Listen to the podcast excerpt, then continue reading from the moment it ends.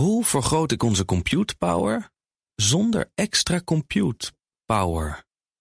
Lenklen, Hitachi Virtual Storage Partner. Lenklen, betrokken expertise, gedreven innovaties. Wil jij de Next Web bijwonen op 15 en 16 juni? Dan heb ik goed nieuws voor je. Want jij als BNR-luisteraar krijgt 50% korting op een ticket. Ja, 50%. Gebruik de promotiecode BNR-50 en geniet twee dagen lang van de Next Web. See you there. BNR Digitaal wordt mede mogelijk gemaakt door Amazon Web Services. De betrouwbare cloud voor kostenoptimalisatie, innovatie en digitale transformatie. Heb jij de BNR-app al? Met breaking news en live radio? Download de app en blijf scherp. BNR Nieuwsradio. Digitaal.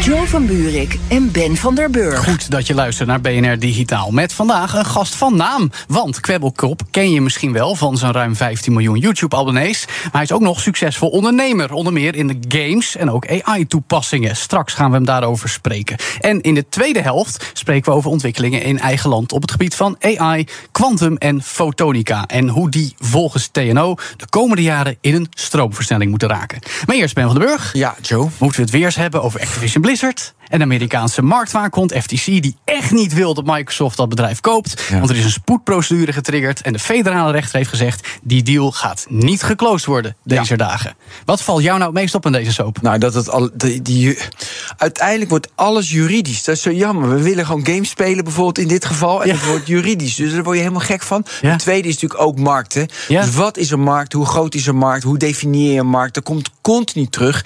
En opvallend. Dus in de UK tegengehouden. Europa zegt ja. En nu lijkt dus de FTC het ook tegen te gaan. Ja, en ondertussen horen wij de analisten zeggen dat er in de CMA via, eh, of in de UK, waar dus de, de marktwaakhond de CMA is, eh, eigenlijk de gesprekken zijn van nou misschien dat we toch maar een beetje mee moeten gaan naar die harde woorden van Microsoft dat eh, de UK close for business is als ze Ja. deze overname niet toelaten. We hebben het hier natuurlijk uitgebreid over gehad. En ik was al helemaal in het begin van... ja, je kan, als je het puur bekijkt, de markt van gaming... dan is het juist heel erg gunstig als het wel wordt overgenomen. Want hey, Sony heeft nu, heeft nu de marktmacht. Ja. En dan wordt het meer open, ja, wordt het meer open gebroken. Dus dat Ja. is het. En we kunnen zeggen Microsoft heeft een lobbycampagne, maar Sony heeft net zo goed een lobbycampagne. dus die zeggen, nou oké, dat, dat moeten we doen. Mijn argument was, ja, maar Microsoft wordt dan nog machtiger... en niet in gaming, maar totaal als bedrijf. Ja. Dus dat moet je niet willen. Dat is natuurlijk ook zo. Nou ja, dat, ja, dus dat vind ik ook. Maar het leek er echt heel lang. Nou, leek het de kant op te gaan dat toch ehm, uiteindelijk Microsoft het wel over had mogen nemen. Maar nu is weer precies de andere kant op. Zullen zullen we een weddenschap doen, Ben?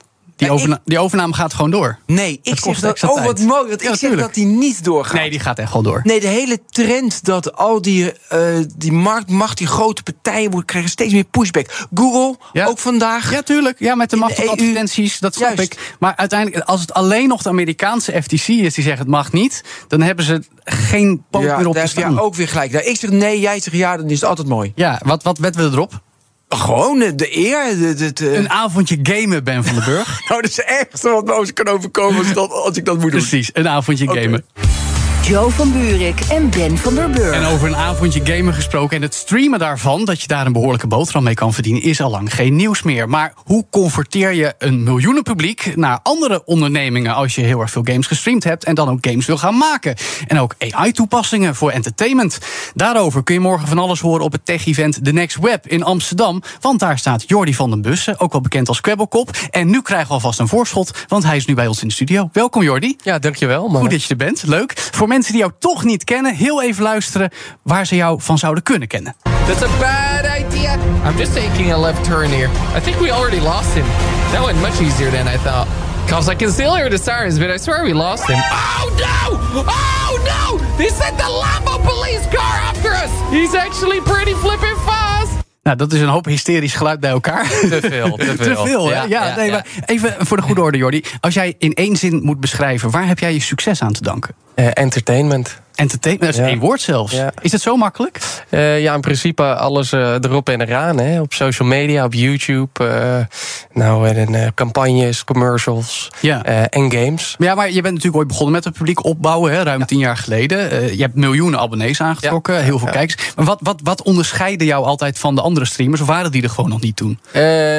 Nou, die waren er zeker wel. Alleen ik was wel een van de eerste die zei: ik pak dit aan als onderneming en niet als een hobbyprojectje of eh, alsof ik eh, het in mijn eentje moet gaan doen. Je was een van de eerste echt serieuze. Ja, ja zeker. Ja. En in welke zin dan? Wat deed je dan dat het serieuzer werd? Nou, toen ik, eh, toen ik begon, eh, was het een eh, one-man army. Altijd, iedereen. Eh, en eigenlijk was het niet eens geaccepteerd als je editors had, bijvoorbeeld, of een team had. Je moest het heel- zelf doen. Ja, ja dat, eh, dat was wel een beetje De sport. Wat, de sport. En eh, ik zei van een van de eerste, nou, eh, ik ga het wel uitvinden. Ik ga wel gewoon een team bouwen. Ik ga een bedrijf eromheen opzetten.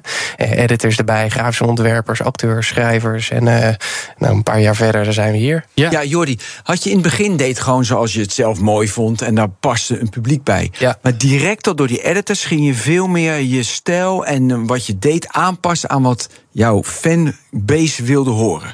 Ja, eigenlijk wat, je, wat we, wat we heel, heel mooi doen is we analyseren. Dus we hebben een protocol. Nou, eh, eh, die, dan maken we er een video mee en dan analy- analyseren we de data. En vervolgens passen we ons protocol aan. En dat al vanaf het begin, al tien jaar lang. Ja, maar hoe ver eh, staat dat van jezelf af? Want ja, dan doe je wat het publiek wil, maar zelf ontwikkel je jezelf door in tien jaar, dan ben je een ander mens. Precies. Dus ja. totaal anders nu?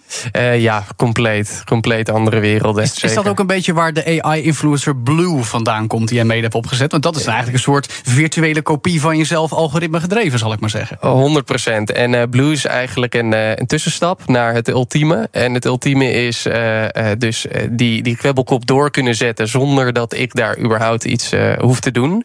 En dat is eigenlijk Blue, maar dan met het kwebbelkop IP. En Ja, dat ja. is iets wat nou, redelijk over een paar maanden hopelijk eh, eh, uit is. Kijk, daar hebben we nog nieuws ook. Ik wil wel heel even, want we hebben nu heel erg over hoe jij op de platform actief bent. Ja, maar de platform ja. zelf zit ook niet stil. We hadden onlangs nog het nieuws van Twitch bijvoorbeeld. In populaire beslissingen. Dat zeiden van nou, streamers mogen alleen nog via onze systemen advertenties gaan draaien. Eh, populairste streamers dreigen met opstappen. Twitch draaide het weer terug. Is dit een teken aan de wand van ergere dingen? Dat er eigenlijk een soort conflict situatie aan het ontstaan is? Ik kijk ook naar Reddit, waar nu de subredditors in opstand komen. Dat er een soort verzet komt tussen de mensen die actief zijn op de platforms en de eigenaars van de platforms? Nee, ik denk zeker niet. eh, ik denk een beetje toeval dat Reddit en Twitch eh, momenteel tegelijkertijd. Nou, eh, een beetje gek gedrag vertonen. Hmm. Eh, Twitch al, al langdurig. Hè. Creators lopen al jaren te roepen: Twitch, pas je policies eh, niet aan om eh, de creators te laten leiden. Mhm. Wij bouwen je platform, we hebben je platform gebouwd en, en zonder ons ben je niks. Ja. Nou, en, en Twitch die zegt dan: eh, dat boeit ons niks. Totdat iedereen gaat rellen en dan ineens boeit het ze wel. Maar dat vind ik allemaal toch best wel heftig. Want jij hebt zelf ook een burn-out gehad een aantal jaar geleden. Zeker, De beruchte ja. influencer fatigue. Ja. Ehm, dan wil je jezelf ook wapenen om te voorkomen dat dat nog een keer gebeurt. En misschien ook wel dat woord verspreiden om anderen ervoor te behoeden. Kan, kan dat wel in deze platformeconomie? Eh, een, een burn-out eh, voorkomen? Nou, nou ja, het- om te voorkomen dat de platforms jou als maker in een burn-out duwen. ja, zeg precies. maar. Voorkomen dat dit soort problemen blijven bestaan. Want het is natuurlijk hartstikke ongezond, toch? Ja, zeker. Kijk, uiteindelijk doe je het zelf. Ja. Eh, dat is het allerbelangrijkste om te weten. Ehm, maar dat betekent ook dat eh, je eigenlijk wel een beetje moet gaan innoveren. En dat probeer ik ook met mijn virtuele influencers. Om te zeggen, ik kan toch doorgaan met het Kwebbelkop IP. Ik kan toch filmpjes maken zoals ik die wil maken. Mhm. Maar ik, ben, ik moet niet altijd eh, werken. Ik hoef niet altijd daar te zijn. Dus je zou eigenlijk tegen alle andere streamers en influencers zeggen: maak ook een blue. En dan Eh, kun je zelf wat rustiger aan doen. Precies, en dat is wel waar, eh, waar wij ambitie naar hebben. Dat we het toegankelijk maken en in ieder geval de eerste zijn die het durven te doen. En ook eh, kunnen laten zien dat je jezelf met AI of in ieder geval met iets virtueels kan vervangen tijdelijk. Ja, nou, dat is jouw eigen business. Hè? Je hebt je Ja. eigen onderneming al een aantal jaar. Volgens mij hier een kantoor met 60 man personeel ook. Zoiets, ja. Wat, wat, wat doen jullie daar allemaal, behalve algoritmes voor influencers ontwikkelen? Ja, ja, ja, we helpen ook bedrijven met hun social media campagnes. Mhm. Dus de- ja, social media campagnes, maar ook strategie. Uh, dus uh, nou, wij weten heel goed uh, hoe het moet. Dan dachten we, dan gaan we ook anderen helpen. Yeah. daarnaast bouwen we nog wat AI-applicaties, al redelijk lang. waaronder yeah. volledig autonomous virtuele influencer. Yeah. Dus die zelf alle filmpjes maakt en alles. Ja, en ik zag ook eentje DubDash, waarmee je eigenlijk een video kan uploaden. dus, en dan wordt die automatisch vertaald. Ja, ja, ja, dus dat hebben we ook. we, we maken allemaal Engelstalige content. Um, en al redelijk snel kwamen we erachter, we willen ja, de wereld aanspreken. Niet alleen de, de Mhm. Engelstalige markt. Dan kan je gaan voice dubben. Dat was een beetje duur Ja. per minuut. Dus dat Eh, laat je de computer doen. Ja, precies. Dus hebben we software gebouwd die, eh, die het doet. En dat is vele malen goedkoper. Eh, Het hele proces zelfs. Ja, maar er zijn toch talloze appies die dat ook kunnen. Microsoft heeft het, Google heeft het, eh Ja, ja, ja. ja, Eleven Labs. De- en jij denkt als je het zelf maakt dat het goedkoper is. Het is goedkoper. Ja, ja we, hebben, we hebben echt voor, voor een fractie van de kosten. en, en de beste kwaliteit die er is. Maar oh ja, en dus ander- oké, prima, ik geloof je direct. Een tweede is, je, eh, dus je doet campagnes en strategie Ja. eh, voor andere bedrijven. Dan moet je dus een service leveren voor dat andere bedrijf. Aan de andere maak je producten. Services verleveren en producten maken, dat bijt soms binnen een bedrijf. Hoe kijk je daarnaar? Eh, ja, nou, we hebben gewoon goede teams die erop zitten. En die richten zich eh, op, eh, op bijvoorbeeld eh, innovatie. Dus eh, we hebben een innovatieteam. En we zeggen, jongens, kijk maar, wat is is zo een leuk. kostenpost, hè, innovatie. Zeker, Ja, ja, zeker. Investeringspost, zo kan je het ook En, noemen. en, precies, en, en dat is ook wat waar we voor staan als bedrijf. Wij, wij houden van innoveren. Denk aan een virtuele influencer. Nou, drie jaar geleden noemde ieder- iedereen me gek. En nu is het eh, nou, giga, giga onderdeel van, eh, van het bedrijf. Ja. Eh, en zo proberen we langzamerhand eh, ja, die hele content creator space een beetje de juiste richting in te trekken. Ja. En wat is die omzetverdeling dan? Een service verlenen, producten. Hoe zit die omzetverdeling in elkaar? Ja, ik denk dat onze influencers ongeveer de helft van, eh, van onze omzet eh, opleveren. En dan bedoel ik onze eigen influencers. Denk aan de Kwebbelkop en Blue en nog de andere kanalen die we hebben. Mhm. Eh, ja, en dan eh, eh, de, de rest van de projecten, de andere 50 procent. Ja, laten we het ook even over een van die nieuwe projecten gaan hebben. Het nieuws van afgelopen week, moet ik zeggen. Een nieuwe game, een echte game, Hellskate. Ja, deze heb ik dan niet meegerekend in de percentage. Nee, maar die komt er dus bij. Ja, ja, ja. Laten we Ja, heel even luisteren hoe jij hem hebt aangekondigd. Hellskate takes place in Wertheim. Here you play as Anton Falcon, a skater through and through. All Anton wants to do is skate at Wertheim's fabled beach. Even if that means he has to go through the gods and monsters who will do anything to stop him and his skater friends from doing what they love most. The skateboard mechanics are very similar to the arcade-like games such as Tony Hawk Pro Skater. I mean, our lead game designer Steve actually worked on Tony Hawk's Underground. Ja, ik ga het gewoon eerlijk zeggen, Jordi. Ik word hier best enthousiast van. Want ik speelde vroeger ook de Tony Hawk skateboard Top, games. En ja. je hebt dus Steve Swink, die daar aan mee heeft gewerkt. Tony Hawk's Underground eh, verleid om met jou dit project te gaan oppakken. Ehm, een skateboard game in een helse spelwereld. Kleurrijke personages, dialogen. Ehm, waarom, waarom maak je dat? Ja, waarom maak je dat? Eh, nou, eh, een paar jaar terug als influencer zei ik... eh, ik wil uitbreiden, ik wil groeien. En wat past er het allerbeste bij? En een gaming influencer. En ik dacht een gaming studio. Ja, nou, je hebt al eens een game gemaakt. Het was ja. een beetje experimenteel om, Ja, om een beetje viral mee te gaan. Maar dit is echt een serieuze Ja. game, hè, waarmee je ook echt de markt op wil gaan. Ja, ja, ja zeker. Dus destijds was het een proef, proefgame. Dat ging hartstikke netjes. En toen gingen we zitten met een paar slimme koppen en zeiden we: Oké, hoe kunnen we echt een hele goede maken? Een hele grote. Eh, en dat is eh, ondertussen nou, vier jaar geleden geweest. Ja, je zegt ik wil hem maken, maar toen je die video's ging maken, analyseerde je heel erg het publiek. En Ja. dan weet je van, dit moet ik brengen. Is dit hetzelfde gebeurd? Dus je analyseerde waar. Maar een skateboard game in een helse wereld. Ja, ik, Joe zit voor in de gaming, ik niet.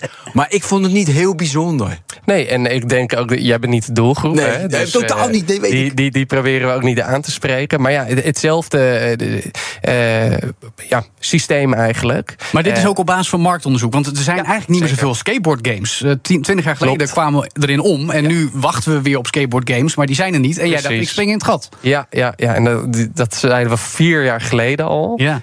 En sindsdien is er ook echt niks waarvan wij denken: wow, dat is heel spannend. Ja. Ehm, maar ja, dus hetzelfde systeem. Je bouwt een demo en je gaat hem testen en feedback en, en aanpassen. En dat continu eh, tot aan eh, zelfs, hè, we brengen de game dan uit in eh, nou, begin 2024 staat er momenteel op de planning. Ja. Eh, en dan gaan we in early access. Wat ook nog eens is, we brengen de game uit niet in zijn volledigheid, maar eh Ja, het op. Steam heb ik Mensen gekeken. kunnen testen, precies. feedback delen. Ja, en, dat en is dan, en dan gaan, we het proces, gaan we het proces verder optimaliseren om zo de ultieme gameervaring te Ja, creëren. dat is de normale manier tegenwoordig om software te ontwikkelen, om Ja. iets nieuws te ontwikkelen. Ehm, waar zie jij de. Eh, wanneer gaat dat fout? Wat is de limiter daarin? Ja, wanneer gaat het fout? Eh, als je de game uitbrengt en hij niet leuk is. Ja. Nee, want je hebt het zo getest. Hij is dus altijd leuk dan. Dus dan Precies. kan het in principe Ja. niet misgaan. Maar er is een moment dat het niet doorgroeit met je virtuele influencer of je Ja. game. Dan houdt dat op. Heb jij een moment gekend dat je ziet van nou, we krijgen hem niet doorontwikkeld? En wat doe je dan? Oh ja, nou, maar dat, dat is, eh, dat is mijn, mijn dagelijkse bezigheid eh, van, van mij, mijn bedrijf. Dan gaan we zitten en dan gaan we kijken wat een oplossing. eh, en we denken in oplossingen, we pakken het aan en, en we gaan verder. Ja, en soms loop je tegen iets aan wat gewoon echt heel stom is. Ja. En dan moet je, dan, nou, dan is je investering weg. Ik zeg even wat. Ja. Ja, en dan ga je zitten en dan zeg je, gaan we door? Nou, eigenlijk altijd ja, maar op welke manier? Maar Jordi, ik zou zeggen streaming video en social media... en zelfs AI-influencers is één ding. Ja. Videogame-industrie, Ja. tuurlijk, het is allemaal entertainment. Echt Ja.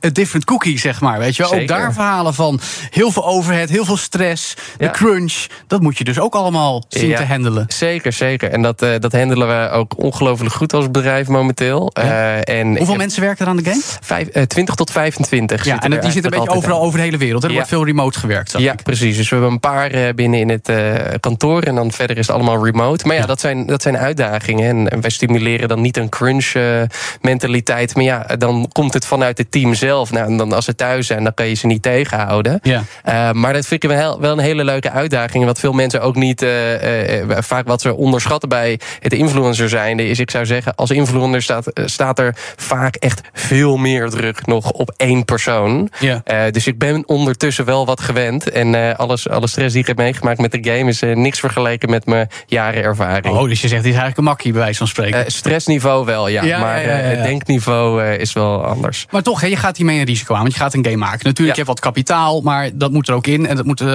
ook weer terugverdiend worden. Eh, ik zie ook dat meer influencers dit doen. Die gaan hun eigen games maken. Logisch, hebben miljoenen publiek opgebouwd. Willen hun eigen ding.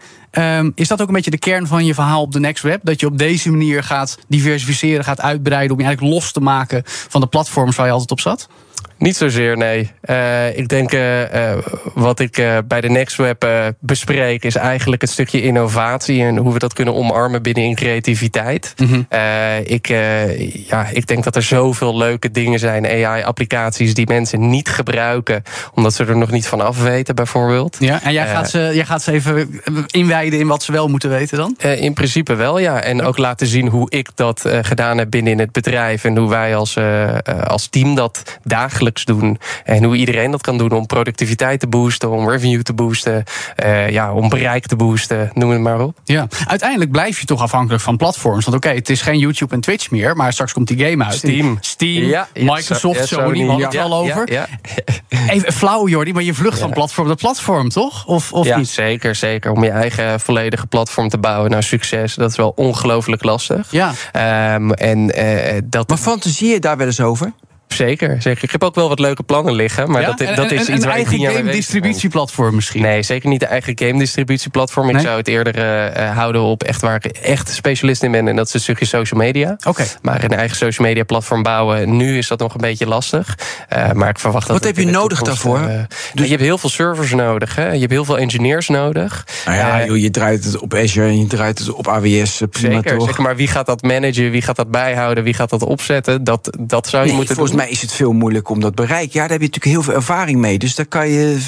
Ja, dus laten we even het stukje. We hebben niet zo heel veel tijd Nee, meer, maar helaas. laten we het even snel ontleden. Ja, Eh, stel, je wil je eigen social media platform lanceren. Nou, dan heb je bereik nodig, heb je mensen nodig. Ja. Nou, waar zit nu momenteel een gat in de markt? Dat is AI-generated content, om het zo maar even Zeker. heel kort te, te noemen. Eh, eh, nou, wat hebben wij? We hebben tools die eh, eh, gewoon software die. eh, AI-video's maakt, AI-entertainment. Ja. Nou, als je vervolgens genoeg data hebt van de user, zou je precies kunnen weten wat jij leuk vindt en dat kunnen gaan generaten. Ja, ja. Dus zodra dat een beetje interessant is, ja, dan kan je dat gaan doen. Maar wat gebeurt er vaak uh, als je zo'n leuk idee hebt? Dan bouw je een MVP, dan breng je hem uit. Dan komt een Google langs, die bouwt hem. Uh, Microsoft die bouwt hem. Ja. En nog een andere tech uh, giant. En ze maken je kapot. En ze maken je kapot. Ja. Dus, dus wie weet. Maar Google heeft niet zo'n hele goede track record in het bouwen van creator tools. Ja. Nee. dus mogelijk. Ja, nou, uh, ik denk dat we het hier vaker over moeten hebben. Zeker, ik wil hier een uur op ingaan. Alleen als het gaat om AI-generated content en social media. Maar voor nu hebben we het in ieder geval gehad over je game... en wat je doet in de tech-industrie. Dankjewel, Jordi van de Bussen alias Kwebbelkop. En straks praten we in BNR Digitaal met de high-tech topman van TNO. Want die deelt zijn visie op hoe Nederland de sterke positie... op het gebied van AI, quantum en fotonica kan behouden richting 2040. Of eigenlijk die positie moet versterken. Maar daar is wel wat voor nodig. En dat is niet alleen geld. Wat het is, dat hoor je zo meteen in BNR Digitaal. BNR Nieuwsradio. Digitaal. Jo van Buurik en Ben van der Burg. Welkom terug bij BNR Digitaal. De Nederlandse high-tech-industrie heeft een leidende positie in de wereld. Bijvoorbeeld als we kijken naar het fabriceren van chips en kwantumtechnologie. Maar als we die positie willen behouden in 2040, moet er een concrete strategie en veel meer geld komen. Althans, dat betoogt TNO in een vandaag gepubliceerd paper. Hoe deze strategie verder vorm moet gaan krijgen, dat vragen we nu aan Arnoud de Jong, Managing Director TNO High-Tech Industrie. Welkom Arnoud. Dankjewel. Goed dat je er bent. Mooi. Waarom is het zo belangrijk dat we nu zo ver in de toekomst kijken en nadenken over wat we tussen 2023 en 2040 allemaal moeten gaan doen?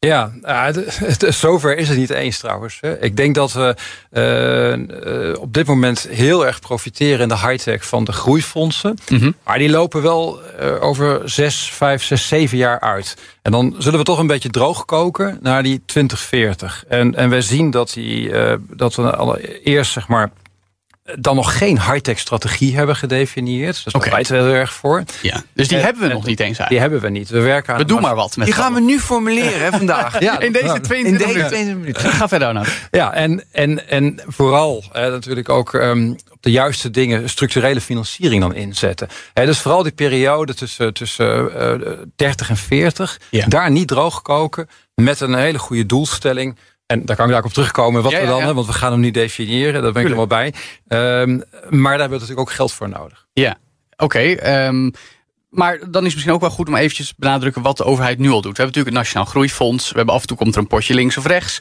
Um, er is aandacht voor wat we in Nederland allemaal doen met high-tech. Maar wat, wat, hoe, hoe, staat het er nu voor? Is het, is het nu uh, onder de maat? Of doen we het best aardig en kan het beter? Wat, hoe, wat voor cijfer zou je de, de overheid uh, op dit moment geven? In nou, zeker. Uh, ik vind het echt een groot compliment waard. Dus dan kom je toch wel in de, in de dikke voldoendes. Hè, tot toch wel een acht. Ik vind dat we echt... Zo? Ja, ja, ik vind dat we dat op dit moment... En daar heb je het echt over, want je vraagt natuurlijk ook echt op dit moment het cijfer. Ja. Maar als ik dan wel verder kijk, hè, en ik, ik zeg, en dat, dat vind ik ook echt heel belangrijk. Als je dus nu zo goed scoort, en wij volgens mij 20 miljard in die groeifonds. En er gaat heel veel ook naar high-tech. Next-gen high-tech of quantum of, of photon delta en, en, photonics.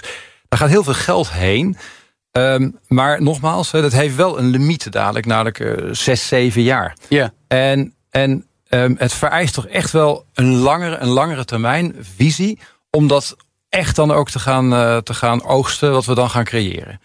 Ja, maar ik wil heel graag die strategie een beetje uitdiepen. Dat vind ik interessant. Geef maar voorzet, Ben. Ja, nou, wat gaan we doen? Je hoort natuurlijk voor Tonics inderdaad kwantum investeren. Welke richtingen? Is er mate van prioriteiten stellen inderdaad? Uh, ja, zeker prioriteiten stellen. Nou, kijk, ik denk, hè, dat is, dat is, dat is, dat is uh, het doel van de, van de strategie is dat wij in 2040 een handjevol nieuwe ASML's hebben. Dat zou het streven moeten zijn. Nou, als je dat. Nou, gaat het even niet om, ik even uitleggen, dat, dat gaat niet om de grootte van het bedrijf of de, de, marktkapitalisatie, maar de impact. Maar de impact. Ik, ja. En de impact die definiëren, of die, dat is een woord uh, wat ik graag gebruik, of zijn twee control points. Je, hebt een, een, je zit in een waardeketen. Ja. Bij definitie zou ik zeggen, een mondiale waardeketen. En je wilt, je wilt daar een, een positie creëren waar die hele wereld, als die wat gaat bestellen of, of dat wil gaan produceren, dat ze bij jou in Nederland dat komen shoppen. Dat, is, dat is het ASML verhaal van ASML ja, precies. precies. Ja. Nou, en, en wij hebben, en dat is het goede nieuws denk ik, hè, daarom ook deze strategie die we dus willen uitrollen. Uh, het goede nieuws is, uh, we hebben absoluut het potentie voor, voor een handjevol van zulke uh, ASML'en, nieuwe ASML'en te gaan creëren in Nederland. Dus die control points. Wat je dan nodig hebt is... Nou, maar, ja, ja. wat je nodig hebt doen zo. Welke, wat, waar zie je nu al? Want ASML is natuurlijk ook, dat duurde ook tientallen jaren voordat ASML ASML is. Welke zie je nu al van, oeh, even drie noemen. Dat is een potentiële ASML'er en dat ook en dat ook. Ja, ik ga geen bename bedrijf, bedrijven noemen, want dat zou echt glazen bol zijn. Maar ik probeer je wel die vraag te beantwoorden door te zeggen... neem, neem het hele duurzaamheidsvraagstuk... waar we natuurlijk met high-tech fantastische oplossingen gaan hebben. Ja. Nou, een beetje ingewikkeld, maar atomic layer deposition... hoe leg je atomen heel dun neer... Nou, die hebben we al, al heel lang. Ook in Nederland zijn we daar gewoon koploper op bepaalde vlakken. Om die te gebruiken in technologieën die we nu kennen. Ja. Maar stel dat ga je nu ook in, wat we dus doen, hè, ook bij TNO. En ook in bedrijven en in spin-offs van, van TNO. eh, zetten wij dat om naar een technologie. Nou nee, die technologie die gebruiken wij om nieuwe batterijen te gaan, gaan maken. Heel mooi. Waarbij het, het kunstje dan eigenlijk is niet per se die batterij straks maken, maar de machine maken die die batterij kan maken. Ja, dus het gaat erom, we moeten kijken waar in die waardeketen willen we gaan zitten. Dat we ons eh, zeg maar, een danige positie garanderen dat we gewoon niet te vervangen zijn eigenlijk. Ja. Een tweede voorbeeld, want ik wil, eh, ehm, als, we, als we nu naar grote trends kijken, Mhm. en, en ja, die gaan toch wel gebeuren. Hè, dat is, eh, en ik denk dingen als AI bijvoorbeeld. Hè. Wat betekent AI? Nou, ik ga niet in nu op, op de platformen, economieën die daar ontstaan, grote Amerikaanse bedrijven wellicht. Maar één ding is zeker. We zullen met z'n allen meer data gaan, gaan, gaan transporteren. Nou, dat veroorzaakt eh, heel veel hitte, heel veel energie. We zullen die chips in die datacenter zullen we dus ook gewoon efficiënter moeten maken. En, en um, um, zullen waarschijnlijk, en dat is uh, een tweede voorbeeld, zullen fotonisch gaan worden. Hè? Dus dat je eigenlijk fotonica licht op een chip pakt. Dat ben je heel simpel uitgelegd. In de, in de werkelijkheid heel moeilijk, met hele grote voordelen. Met betrekking tot, tot energie, uh, uh, de data die je kan transporteren, um, de, de, de hitte die dan niet ontwikkeld wordt. Ja. Uh, dus dat zijn dat is Dus een tweede efficiëntere, energiezuinig. Ja, Een, een, derde is uh, misschien daar heel dicht in de buurt zitten, is het, um, het communiceren met licht. En dan Ja. heb ik het over grote afstand, communiceren Ja. met licht, dus lasercommunicatie, optische communicatie. Waarbij je dus nu, nou, we zitten hier bij de radio die uiteindelijk via een, een soort van radiofrequentie, hè, letterlijk jullie, jullie brood, zeg maar, ja. zenden uit. Um, maar stel, dat zou je van een point-to-point naar de andere wereld willen doen met heel veel data. Een paar terabyte die je in een seconde wil, wil overzetten. Dan zou je dat met radiofrequency niet lukken. Dan zou je dus wel met, met optische communicatie kunnen. Liefst dan via een satelliet. En, en um, het, het, het, het, haakje zeg maar van uh, wat, wat is de, welke technologie heb je daarvoor nodig? Nou, dat is dus jarenlang hebben wij een hele hoge optische kennis in Nederland ontwikkeld. Ja. En ik denk dat die lange termijn, uh, dat is ook denk ik deel van de strategie, is ook een langere termijn dan, dan morgen of overmorgen. Ja. Omdat ja, hoe, hoe snel deze wereld ook gaat, die high-tech wereld echt ook wel een lange termijn uh, vasthouden aan die, aan die en het investeren in die control points blijft. Ben. Kijk, dit zijn. Ik denk dat weinig mensen hiermee oneens zijn met deze richtingen. Toch? Of is, is hier nog discussie over? Uh, uh, je, je, je zou wel wat discussies kunnen hebben van dat wij snel natuurlijk uh, een nieuwe kans zien. En dan omdat het wat langer duurt. Uh, neem, neem quantum bijvoorbeeld. Quantum is niet dat je morgen een werkende quantumcomputer hebt. Daar wil je toch een lange adem moeten dus hebben. Dan is de dus dan is de discussie hoe snel je hoeveel geld investeert in quantum doorontwikkelen of even terug, want misschien duurt het te lang of ze gaan ineens links waardoor het niet helemaal lukt. Ja, het is natuurlijk en ook wel een beetje in Nederland zo uh, dat, dat, dat, dat wij dan in één keer morgen iets heel interessants vinden en daar moeten we ook op stappen. Ja. En wij pleiten ook wel zeker in dit stuk van dit whitepaper. En wij is eigenlijk ook vanuit onze achterban. Hè, dus die grote bedrijven, die kleine bedrijven die ons dan vragen, joh, schrijf, formuleer deze, deze visie. Maar dit is natuurlijk ook best wel lastig, hè? Want we zijn de hele tijd met elkaar nieuwe uitvindingen aan het doen. We zeggen, nou, dit is het, het nieuwe goud. En dan volgend jaar is er weer nieuw goud. En het jaar daarop is er weer nieuw goud. En dan moeten we kiezen welke van die drie gouden voor ons over 17 jaar en 2040 het echte nieuwe goud gaan worden. Ja. Ja. Hoe, hoe, hoe identificeer je dat? Nou, er zijn een paar kenmerken waar Nederland dan toch, als je kijkt van waar waren we dan en waar zijn we goed in? Ja. En, en waar zullen we waarschijnlijk ook nog goed in blijven? Ik denk dat we, uh, nou laat ik me omdraaien. We zijn niet zo heel erg goed in het uh, massaproductie. Hè, dat Nee. zie je om ons heen. Dat werkt niet zo heel erg goed. Waar we wel heel erg goed in zijn, is het uh, die uitermate complexe producten. Dus dat, dat beschermt ons ook gedeeltelijk. Dan loop je voorop. Het is heel complex. Maar maak er ook dan niet te veel van. Nee. Niet dat, dat zou je wel willen. Maar waarschijnlijk is het, uh, nou, dan, voorbeeld ASML, denk ik, het makkelijkste voorbeeld. Ehm, ik weet niet uit mijn hoofd precies hoeveel EUV-machines zijn Nee, nee, maar die hebben daar tientallen jaren in geïnvesteerd Ja. om daar te komen. En doordat ze zo lang dat geloof hebben gehad, hebben ze de positie die ze nu hebben. Precies, want, want Lange, ASML, lange termijn. ASML eh, viert dit jaar volgens mij ongeveer 40 jaar bestaan. Ja, Dus precies. het is zeker niet een, een, een, een start-upje nog. Daar zijn ze al lang uit. Ja. Nee, maar dat is helder. Maar het punt is, zij hebben dat lang gedaan. Natuurlijk ooit met beperkte middelen. Die zijn langzaam zeker gegroeid. Nu zijn ze een gigantisch bedrijf. Maar dan gaan we het toch over geld hebben. Dan hebben we het over dat we in Nederland vaak horen... we hebben geen ondernemingsklimaat. TechLeap die gekort wordt op de toelage, om het even heel kort te formuleren. Wij, wij zijn geen Verenigde Staten, Arnoud. Wij, wij, wij moeten dat niet willen. Maar ik hoor jou eigenlijk al zeggen in de eerste tien minuten... we moeten het slim spelen. We moeten kijken welke innovatie zijn het waard om op in te zetten. Ja. Is dat, is dat dan ook de hoofdgedachte van de strategie die we aan het formuleren zijn? Ja, de hoofdgedachte is zeker weet je, het extreem van Amerika nemen en heel veel geld. En dan gaat wel iets lukken. Dat Ja. Maar voor Nederland, nou, dat gaat niet werken. Dat weten we zelf. Dat is ook denk ik een no-brainer. Mm. Dus dan gaat het er wel om inderdaad van hoe plaats ik, ja, ik zeg maar in beeldspraak, hè, vangrails hè, richting mijn strategie. Ja. zodat ik binnen die vangrails eh, keuzes durf te maken, maar wel vast blijf houden aan bepaalde principes. En principes is inderdaad gewoon, het moet complex zijn. Ja. Je moet jezelf ook beschermen, maar je moet ook ehm, ehm, eh, je rol in die waardeketen echt weten te definiëren. Ja, maar die rol is dus vrij laag. Dus helemaal in het begin, het maken van machines. Dus niet het maken van een applicatie die mensen gebruiken. Dus wij zitten, om in die stekman weer even te noemen... we zitten daar laag in, toch? Want je zegt machines maken. Ja, ik heb, ik heb ehm, eh, met onze achterban, maar ook een beetje persoonlijk lang in de industrie en ook lang in het buitenland gewerkt te hebben. Als je gewoon ook naar de kracht van Nederland kijkt, dan mogen wij daar misschien ook wel best wel wat trotser op zijn. Hè, op die positie en wat wij bereiken. Ehm, en ik denk dat het helemaal geen streven moet zijn om alleen maar de OEM te zijn hè, van bepaalde technologieën. Ehm, ehm, nog een keer het voorbeeld van batterijen. Als ik batterijen energieopslag in het algemeen. In de toekomst gaat het natuurlijk een mooie uitdaging zijn. Hè? Dus wij noemen dat dan high-tech voor duurzaamheid. Nou, dan zullen we onder andere batterijen moeten gaan hebben als maatschappij. En als je alleen al kijkt naar automotive, is het denk ik geen slimme keuze om die batterijen in Nederland te gaan produceren. dat kunnen ja. mensen wel vinden, maar ik denk dat het veel slimmer is om die machines, die eigenlijk nog complexer zijn, om heel eerlijk te zijn, te gaan maken in Nederland. Ja. Wat zou nou een control point kunnen zijn? En misschien wel het kernstuk. Hè? Want Ja. laten we die machine een beetje ontrafelen. Dat ga ik hier niet doen. Maar Nee. dan zou je in het kernstuk van die machine moeten zitten. Ja, snap ik. Maar goed, ik hoor jou toch ook zeggen... we moeten heel erg goed keus maken. We moeten het ook gewoon gaan doen. Ik las ook in jullie paper... om de Nederlandse concurren- concurrentiepositie in high-tech te behouden... moet de sector 150% productiever worden. En dat is mijn vraag aan jou. Is dat een kwestie van meer geld, meer efficiëntie, betere keuzes... of gewoon AI gaan gebruiken?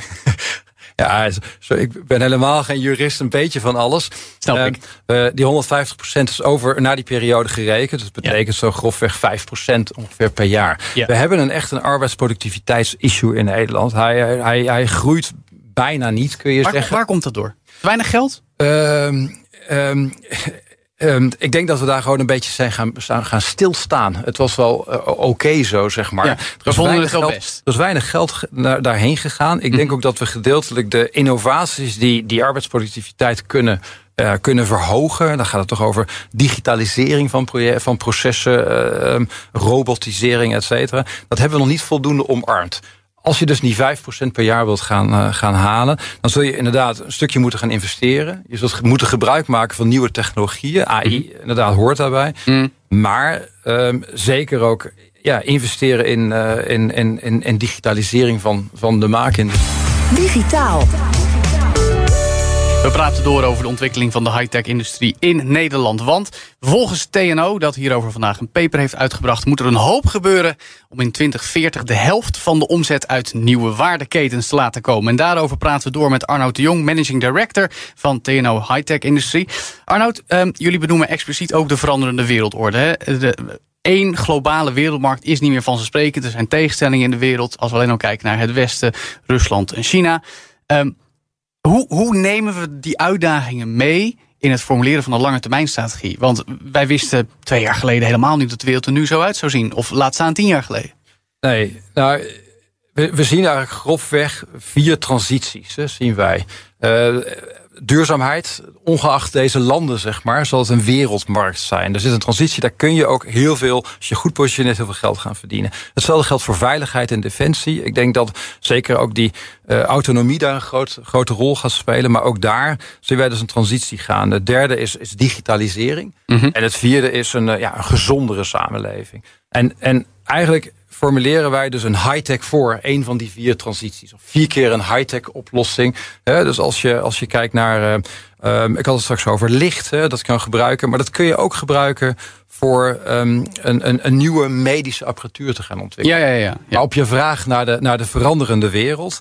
Um, uh, de, de, uh, uiteindelijk de de concurrentiekracht zeg maar, van Nederland staat daarmee wel echt onder druk. Ja. Dus we moeten ons goed realiseren dat die andere landen, ook, ook, dat zien we ook om ons heen, fors investeren.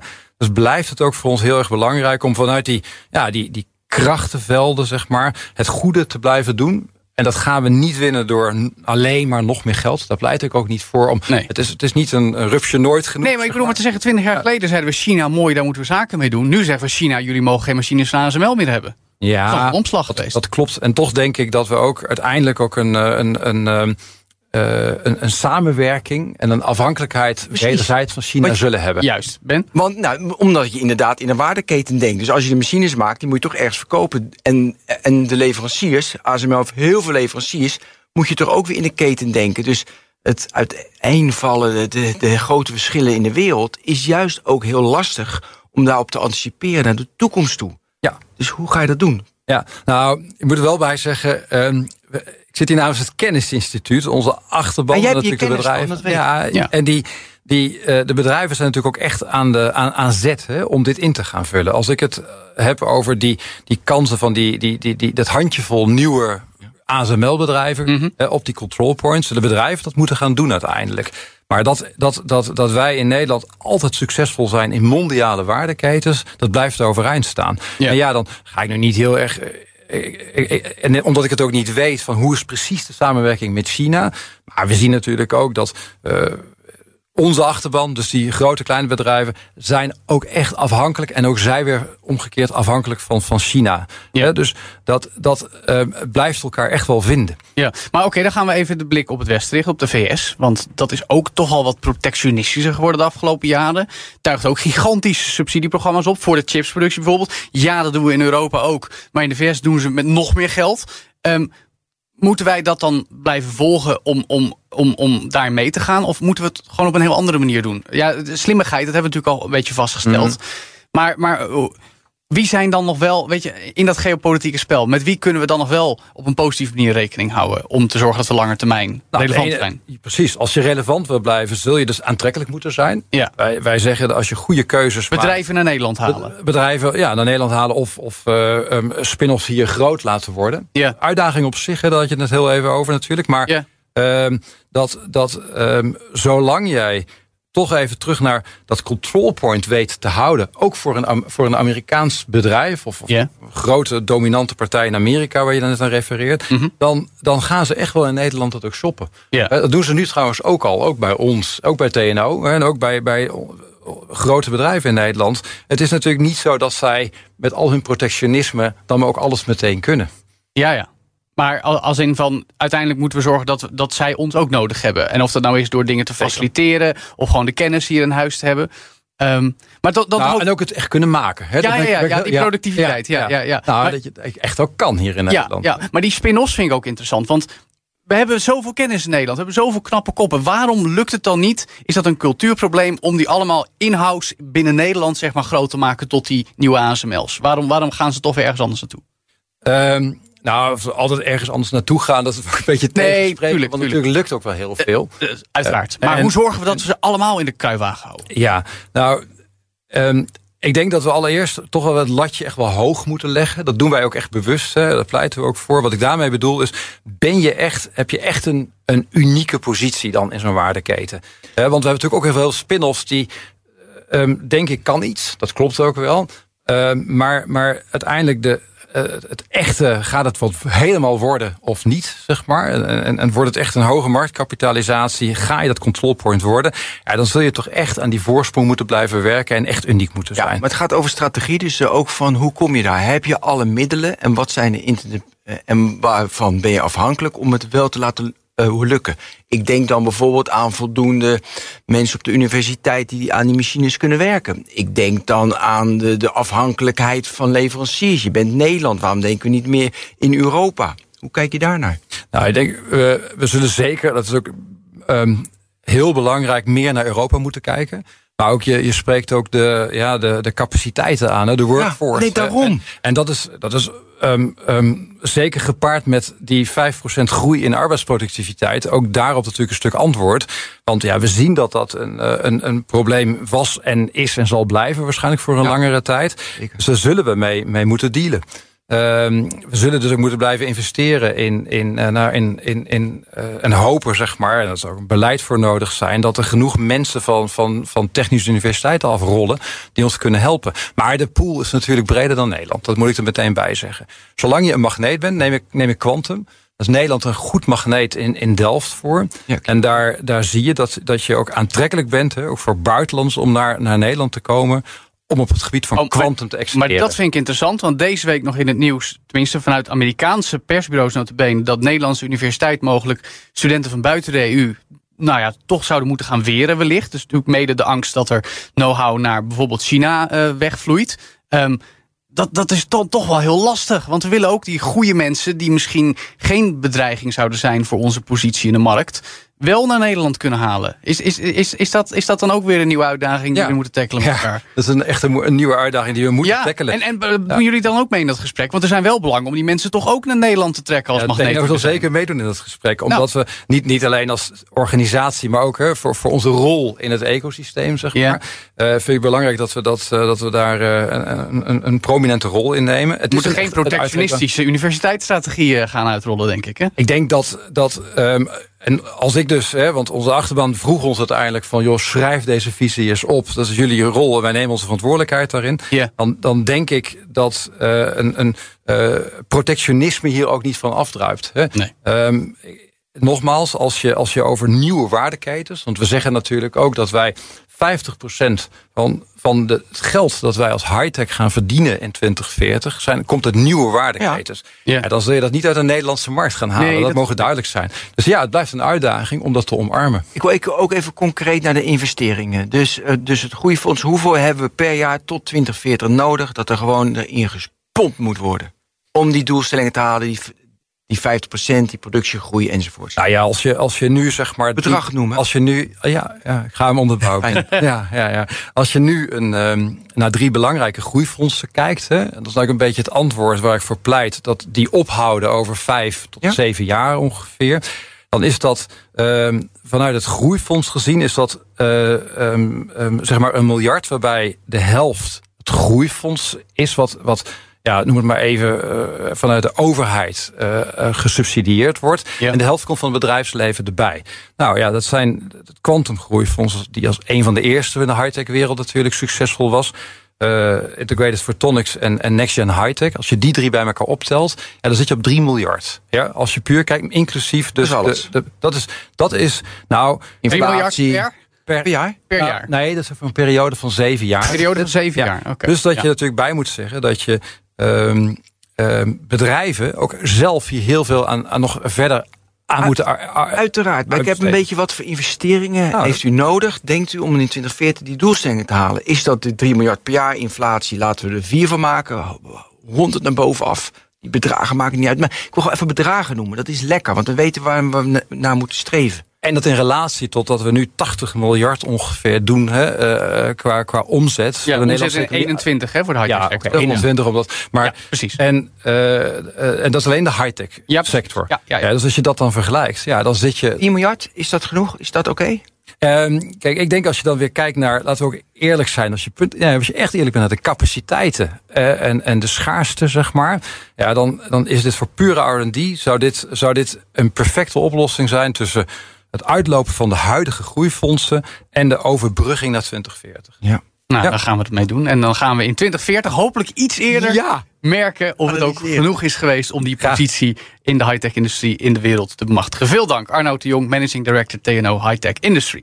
Tot zover BNR Digitaal. Ook altijd te beluisteren als podcast op elk platform. En natuurlijk via de app van BNR. Download die vooral. Daar kun je ook luisteren naar de Tech Update. Twee keer per dag het laatste technieuws. De Cryptocast en de Technoloog met nieuwe afleveringen elke dinsdag. En elke donderdag een nieuwe aflevering van de On The Game. En natuurlijk van Nexus, onze discussiepodcast. En natuurlijk elke woensdag weer een nieuwe BNR Digitaal. Dus zeg ik namens onze hele tech-redactie tot volgende week. Dag. BNR Digitaal wordt mede mogelijk gemaakt door Amazon Web Services. De betrouwbare cloud voor kostenoptimalisatie, innovatie en digitale transformatie. Hoe maak ik van ons VMware-platform een on-prem AI-platform? Lenklen, NVIDIA AI Enterprise Partner. Lenklen, betrokken expertise, gedreven innovaties.